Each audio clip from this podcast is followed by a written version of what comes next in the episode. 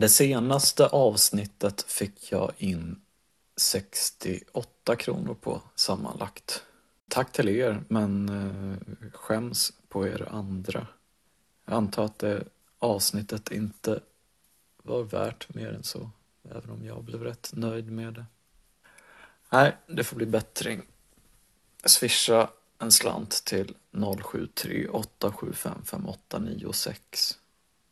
Annars njut av avsnittet. Det blev lite kortare den här gången men ja, alla avsnitt kan inte vara så där gargantöst långa. Just ja, veckans omslagsbild är tecknad av den utomordentliga Sanna Kullin. Ni kan hitta henne på eh, hennes Instagramkonto Skull, Skullenator. Skullenator. Thank you.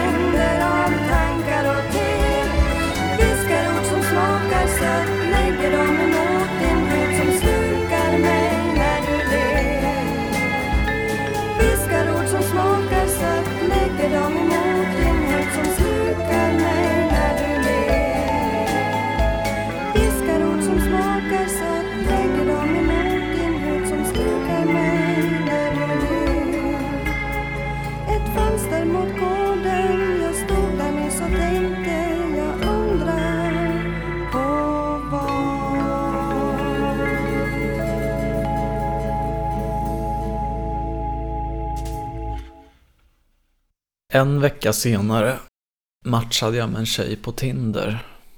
Låt oss kalla henne Tove. Tove hade extremfärgat hår och verkade allmänt tillhöra en ungdomlig woke-vänster. Men vad fan. Hon ville ses på en dejt på Carmen och jag kunde väl smälta in. Man behöver inte visa färg första gången man ses. Under dagen innan vi sågs gjorde jag såklart det enda rätta och satt och ältade gamla saker. Det var en tankeväckande fråga som min samtalskontakt hade ställt mig. Jag hade gång efter gång funderat på varför Jenny hade slutat tycka om mig. Vad det var som gjorde att jag inte hade räckt till, vad jag hade gjort för fel och varför jag hade blivit fel. Jag hade aldrig ställt mig frågan varför Jenny blev intresserad från första början. Vad hon hade för motiv, varför hon drogs till mig just. För att smälta tankenöten som låg i magen skrev jag en spjälkande text. Ett brev riktat till Jenny. Ett brev där jag inte behövde hålla god min och låtsas och upprätthålla en fasad. Då det inte skulle skickas, utan egentligen bara vara till för mig. Jag hade inga rena skjortor så jag gick och köpte en på Myrornas på Götgatan. Jag satt sedan och laddade mobilen vid Espresso House i Skrapan. Lyssnade på Bell and Sebastians låt I Love My Car flera gånger. I can even find it in my heart to love Mike Love. Självklart var jag först på Carmen, men det dröjde bara tio minuter innan hon dök upp. Hon pluggade litteraturvetenskap. Perfekt ju. Men det, det är liksom denna vocation, vad fan säger man på svenska? Denna sysselsättning visade sig vara ansträngande då hon egentligen av princip vägrade läsa böcker av manliga författare. Mindre perfekt. Men hon gillade öl så det hade vi ju gemensamt.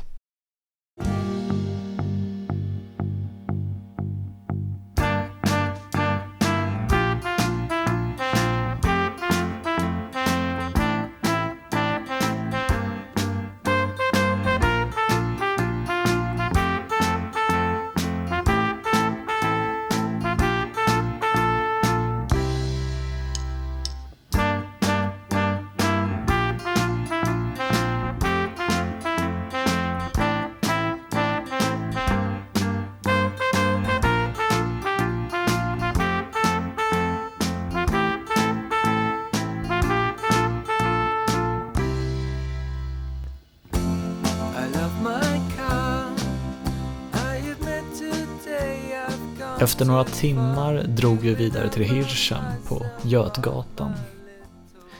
Jag berättade om en bekant som en gång inte hade blivit insläppt på ett, av ett annat av deras etablissemang när hon bar Davidsstjärna. Tove verkade inte bry sig så värst mycket. Varsin öl.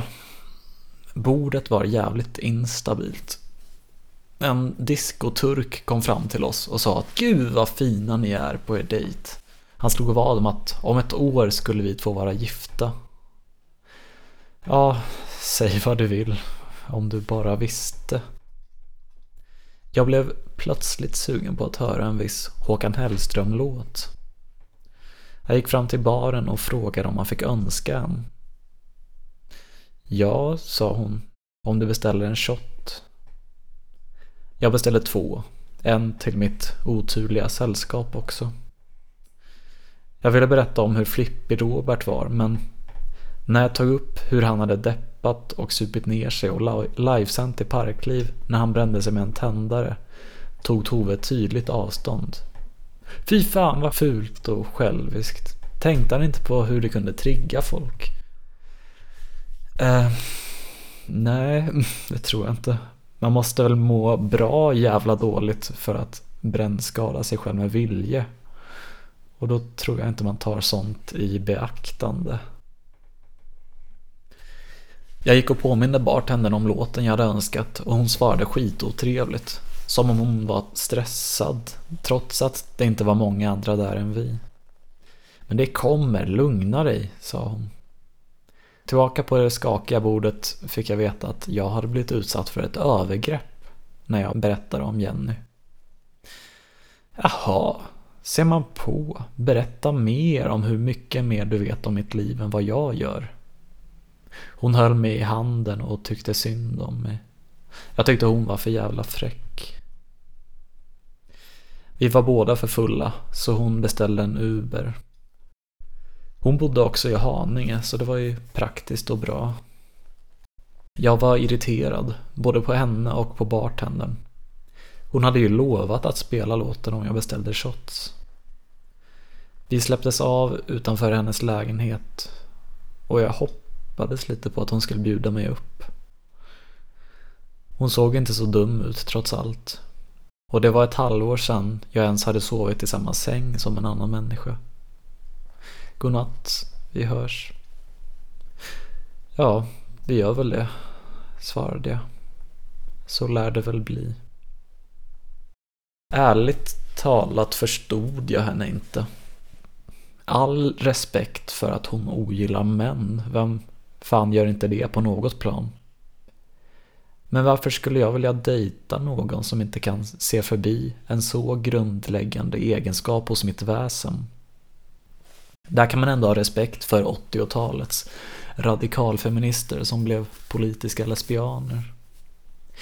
Jag vill inte verka kränkt, men om hon tar sin övertygelse på så stort allvar att hon inte läser manliga författare, what's in it for her att dejta mig? Hon är en heteroperson som lever i förnekelse och vars sexualitet drivs av skam och självhat.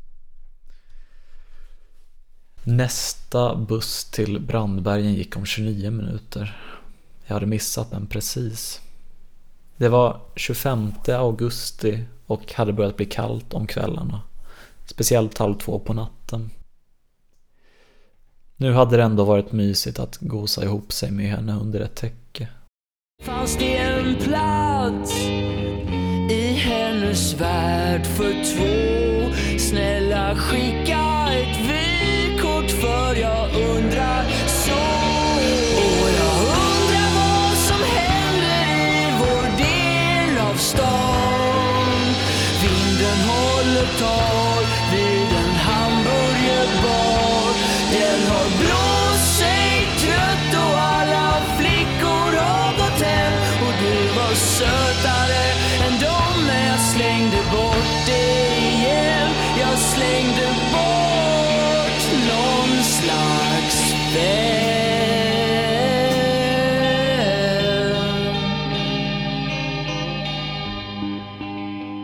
Den 27 augusti fyllde jag på med nya pengar från fondkontot. Jag tänkte, jag vet inte, det är lite så här som jag tänkte det blir en rejäl nu så, så jag gör inte mer på ett bra tag. Så jag förflyttade 8000 kronor till, till mitt vanliga konto. Eh, vilket jag såklart skämdes över men ja. Jag vet inte. Jag, jag såg, jag kände ändå att någon gång kommer jag tjäna mer pengar och det är bra. Det, jag lånar från mitt framtida jag som de sa i här eh, Della-reklamen för Resursbank. Vita bergsparken dagen efter. Det var fredag, jag hade varit ledig och var i gasen socialt. Gick runt och lyssnade på PLP. Det var ett gammalt avsnitt där Robert ställde frågan om Malcolm Cheyune verkligen var autist. Ingen visste. Malcolm sa det ofta på ett skämtsamt sätt men det kunde lika gärna vara komiska tillspetsningar eller ren och skär självdiagnostisering. Robert verkade inte dyka upp. Jag var där i tid men alla andra var sena. Slut på internet också, just typiskt. Det gick så långt att jag hörde av mig till Björn för första gången sedan bråket. Skickade ett sms, bad honom fråga i chatten vilka som ämnade komma och när. Jag frågade till och med om han tänkte dyka upp för trots att det var lite stelt emellan oss så var det alltid bättre att vara lite för många än lite för få i sådana här sammanhang. Det blev bara jag, Julström och bröderna Krogshow. Det var grått och inte särskilt varmt.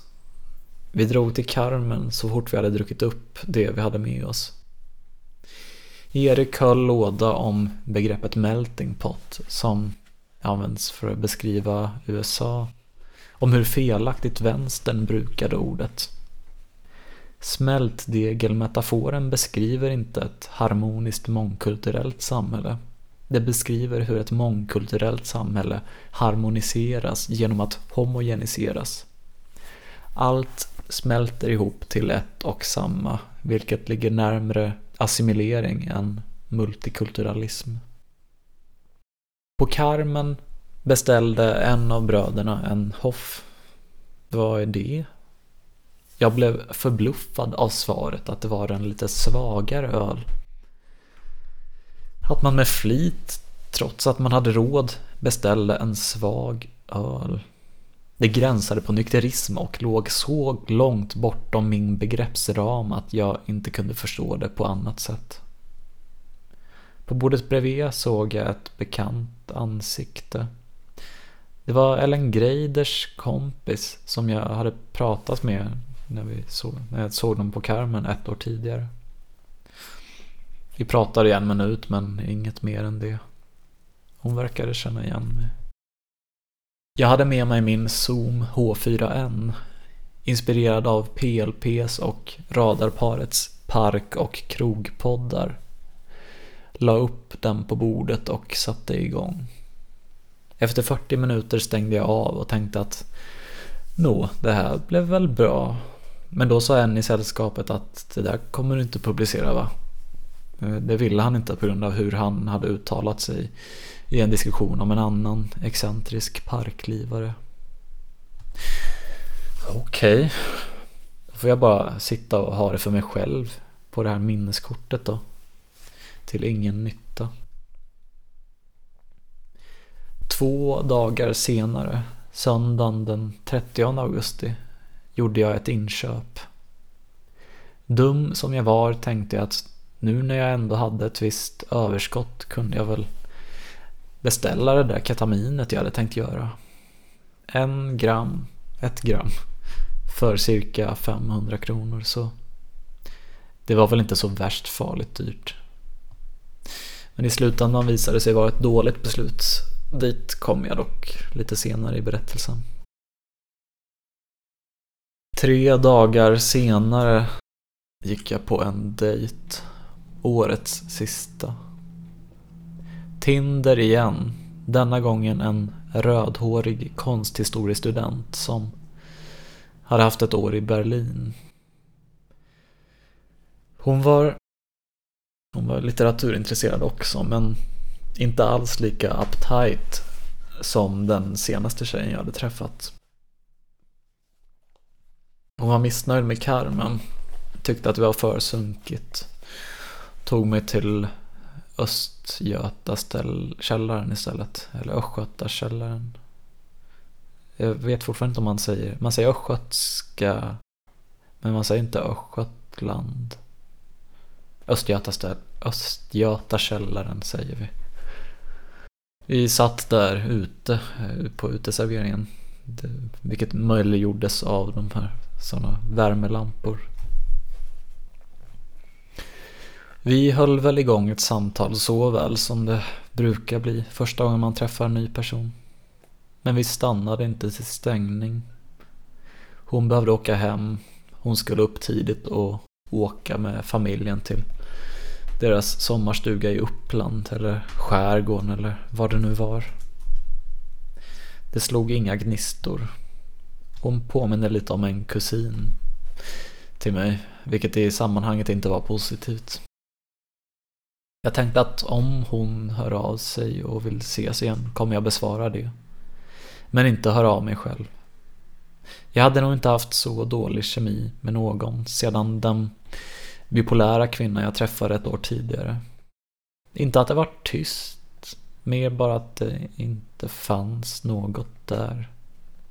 Feministen Tove hade ändå en eld inom sig. Som om inte annat hade kunnat transfereras till något konstigt hatsex. Tove hörde dessutom av sig och frågade om jag ville ses igen men jag kunde inte just då och sen rann det ut i sanden. Konsthistoriestudenten hörde inte av sig. Varför? Påminde jag om en av hennes kusiner månntro? Egentligen visste jag ju varför. Jag är en acquired taste. Svår att fatta tycke för och eh, att attraheras av fysiskt. I det här enskilda fallet bekom det mig inte särskilt mycket men som en del i ett mönster blev det sorgetyngt. Jag slutade inte försöka med Tinder och så men jag fick aldrig något napp mer. Och jag kunde inte klandra någon som sa nej. Tre dagar senare satte jag sista ordet i renskrivningen av manuset. Det var ett hyfsat mödosamt arbete som tog kanske 20-25 timmar aktivt fokuserat jobb. Eller mer, jag minns faktiskt inte. Första steg var att ta bilder av alla handskrivna ark papper.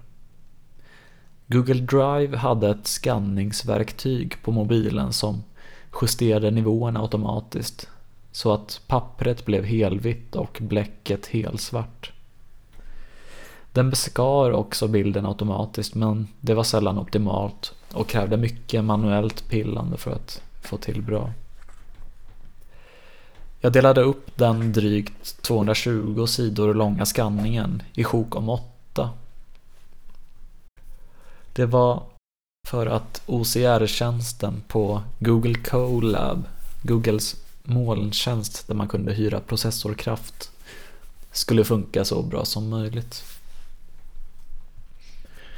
OCR-grejen tog in en pdf-fil och överförde texten på bilderna till digital text som gick att redigera. Även med handskriven text, som i det här fallet. Den läste korrekt av kanske 90% av orden, vilket låter som mycket, men där låg den mest tidskrävande biten. Att läsa igenom allt och korrigera alla fel. Verkar det inte finnas några andra tjänster, tjänster med bättre prestanda ändå. Speciellt som knappt kostade något. Dock störde jag mig på att kommandot spottade ur sig .json-filer i små block där jag manuellt fick gå in och kopiera varje stycke och klistra in i ett Google Drive-dokument. Men nu var jag klar. Lidandet var över och jag hade mitt råmanus i en skepnad som faktiskt spelade roll. Äntligen. Under den sista timmen hörde jag dessutom något som dunsade ner genom brevinkastet. Jag gick och kollade. Och ja, jag hade rätt. Det var ketaminet som hade anlänt. Vilken gåva till afton. Innan jag högg in på mitt kära byte svarade jag på ett meddelande från Johannes Nilsson. Passade såklart på att skryta om ketaminet. Inte för att han av alla personer skulle bli särskilt imponerad. Jag skrev också till Simon G och undrade om han hade tid att ses snart på ett kort möte. Jag ville be om råd för hur jag skulle publicera min roman. När det gick så kollade jag ibland på Mars. Har aldrig sett The Office men ville ha den på DVD. Visste ni att den till låns var en tv-serie? Ledde till sköna drömmar i duschen. Dyrkade danska boxedräng. Annars är jag inte så förtjust i parodier. Men ni visste redan att jag gillar risiga komedier.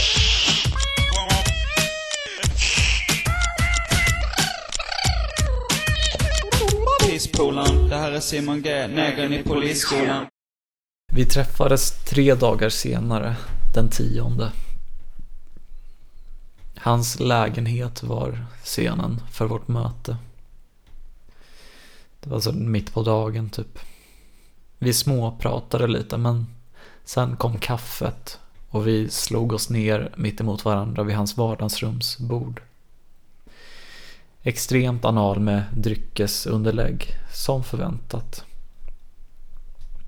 Jag tänkte på två alternativ. Antingen print on demand eller laserskrivare i fanzinformat. Fanzin skulle garanterat bli billigare. Men det blev mer jobb och jag visste inte ens om det skulle funka med tanke på hur tjockt det skulle bli. Huvudsaken var att jag hade svårt att se att någon skulle vilja köpa ett ex för mer än 50 spänn. Simon visade några volymer av Homemade Comics och något tjockt bromander fanzin. Oavsett skulle jag behöva ha väldigt liten textstorlek för att få plats i det formatet. Kanske om jag körde med jungfruben? Nej, det skulle inte se bra ut. Och jag var inte en tillräckligt rutinerad fanzinist för att behärska manövrerna som krävdes. Faktum var att jag inte var någon fanzinist alls. Alternativet var print on demand. Det skulle minska mängden arbete som krävdes. Men säkerligen skulle det bli dyrare. Och jag var rädd att det inte skulle se tillräckligt bra ut. Fanzin hade en charm som en portabandare, lite lo-fi. Men det här vore motsvarigheten att, ja, till att hyra en halvbra studio och, och sen mixa skiten själv. Fallhöjden var större, det skulle verkligen synas att man hade försökt men inte nått hela vägen fram. Simon la ut en joker, ett ytterligare alternativ, en tredje väg. Varför gör du det inte bara till en podd? Varför gör jag det inte bara till en podd? Det var nästan pinsamt att jag, som dessutom var poddare, inte hade tänkt på det. Några invändningar hade jag dock. Det gjorde mig nervös att inte ha kontroll över tillgången. Jag ville absolut inte att någon av mina föräldrar skulle få höra om det jag berättade om. Speciellt inte min mor med hela incestkinken. Men så slog det mig det Robert hade gjort i Dystemia. Att i början av avsnitten bedja om att om du är släkting till mig, lyssna inte.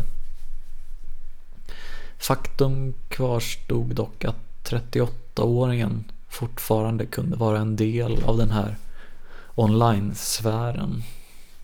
Och jag hade på känn att hon inte skulle bli särskilt glad av att jag berättade om henne. Hon skulle nog se det som att jag hängde ut henne. Trots att min skildring övervägande var kärleksfull. Simon sa att det var väl bara att anonymisera, som han hade gjort.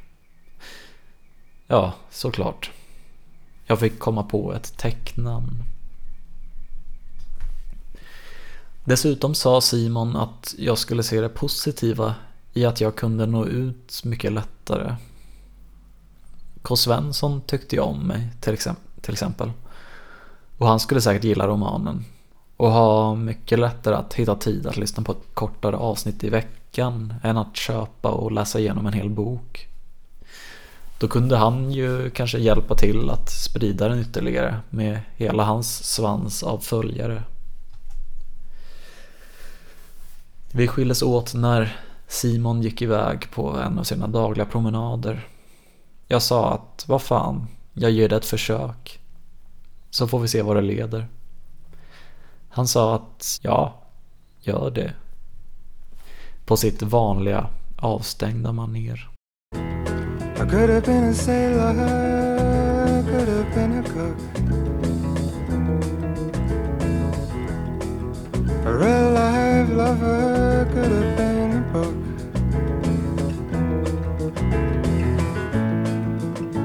have been a signpost, could have been a clock. As simple as a kettle, steady as a rock. I could be here and now. I would be, I should be, but I. could have been. But these things first. Jag åkte direkt till No Name Bar och satte mig.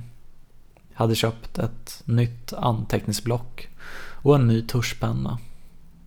Pappa ringde upp och vi pratade i en halvtimme om musik och lite politik. Jag nämnde inget om mötet eller romanen. Sen satte jag igång med planeringen. Jag delade upp i hyfsat jämnlånga kapitel och skrev en kort sammanfattning för varje. Så fick jag en idé. Jag hade ju redan soundtracket i form av Gardeners Delights debutskiva Sundial. Jag avslutade varje avsnitt med en egen låt som knöt an till handlingen. Och så började jag varje avsnitt, eller kapitel rättare sagt, med en utomstående låt som knöt an till handlingen. Perfekt ju. Jag satt och lyssnade på Ben Sebastian-samlingen Push Barman to Open Old Wounds. Som jag i princip alltid hade gjort när jag skrev. Och så slog mig något. Låten Photo Jenny kom på. En av mina favoriter.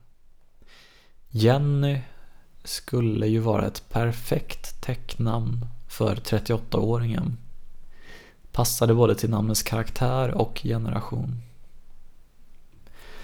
När jag var färdig och åkte hem ekade titeln av en av de andra låtarna i huvudet. En låt som jag egentligen tyckte var tråkig och för lång.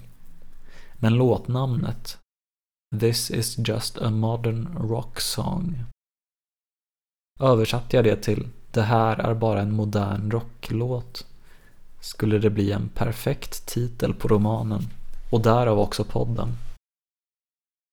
Så fick det bli. Imorgon var en stor dag. Då skulle jag banne mig se till att få färdigt premiäravsnittet. Och vem visste vad det kunde leda till. Inte så mycket skulle det visa sig. Jag fick 16 lyssningar under de första tre dagarna. Bara närmast sörjande och parklivare. Ingen verkade så värst imponerad. Men sen hände något. Jag var på utflyttningsfest hos Alexandra. Jag var där först såklart och kollade till mobilen när jag satt på toa. Simon G hade lyssnat och älskade det. Jag rådfrågade Alexandra när jag kom ut i vardagsrummet. Var det totalt gränslöst att be Simon göra reklam för podden? Nej, nej, inte alls. Fråga. Det värsta du kan få är ett nej. Det hände inget anmärkningsvärt på festen. Några bögar var där, några kompisar till Josef, några ur Carmen-gänget. Mycket öl, lite vin och jello shots. Jag blev för full och åkte hem. Men Simon delade podden på Twitter, vilket gjorde att den, ja, avsnittet under första veckan fick totalt 125 lyssningar. Jag hade skickat länken till avsnitt 1 i kvallerchatten, pingat Kristoffer och skrivit att jag blivit med podd till ökning. Det var ju avsnittet med snedtrippen och snedfyllan. Han svarade att han inte såg fram emot att bli tonårsförälder. Kul att han lyssnade i alla fall. Jag hoppades att han skulle se förbi förälderns oro och att han tyckte om det. Han skrev att han hade haft ett band i sin ungdom som hette Sleepy Jean. Apropå något. Hmm. Lät som en blandning mellan String Bean Jean och Sleep the Clock Around. Men nej, Trampe skrev, det är väl en Monkeys låt. Och han hade såklart rätt i det, även om K också skrev att han såklart tyckte mycket om Bell Sebastian.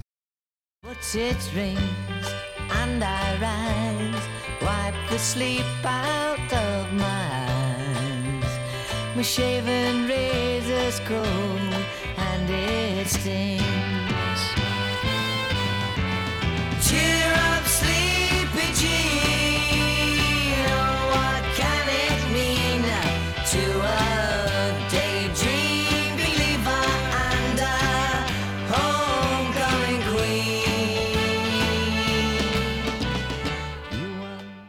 En vecka senare hade kapitel 2 kommit ut. Det som introducerade Jennys karaktär. Och det som ja, det hette faktiskt Photo Jenny. I min mening många gånger bättre än debuten. Som egentligen hade varit mer av en prolog bara. Bättre inläst och mycket bättre skrivet. Även om det inte var samma chockvärde. Jag stötte faktiskt in i Kristoffer på jobbet när jag cyklade tillbaka till kontoret.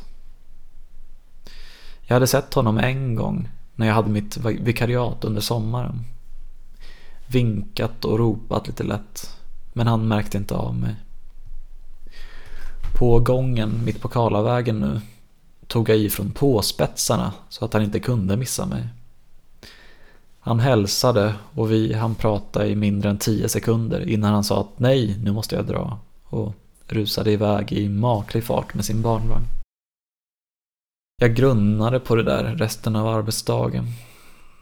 Det var ett jävla sätt att börja prata med kändisar.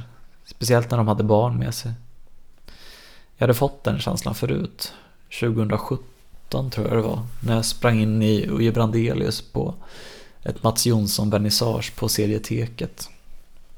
Han måste ju uppleva hela tiden att folk kommer fram och vill säga lika banala vitsord som jag gjorde då. Nu var han där med sin dotter och ville bara ha en lugn, trevlig eftermiddag. Och så kom jag fram och förstörde det. Jag skämdes. Nu hade jag ju träffat Kristoffer förut och han visste vem jag var.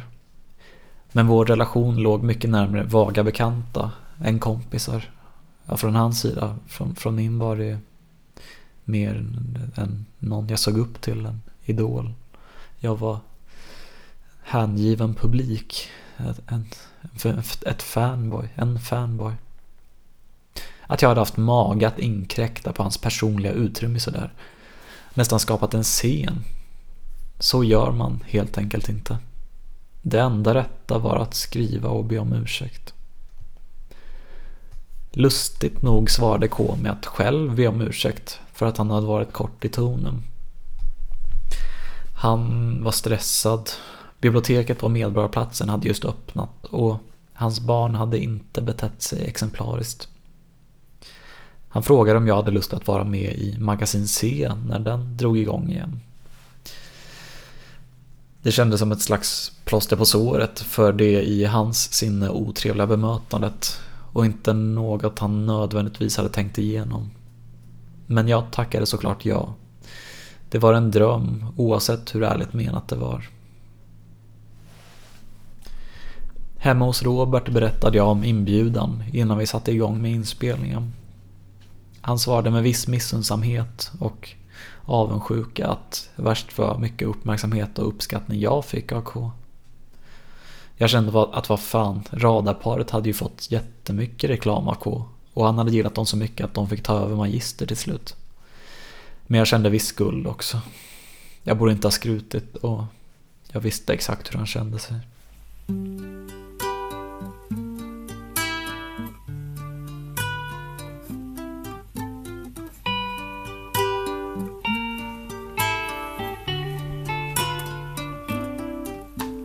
Skulle man få fason och späka sig själv i tron att det hjälper en i en form?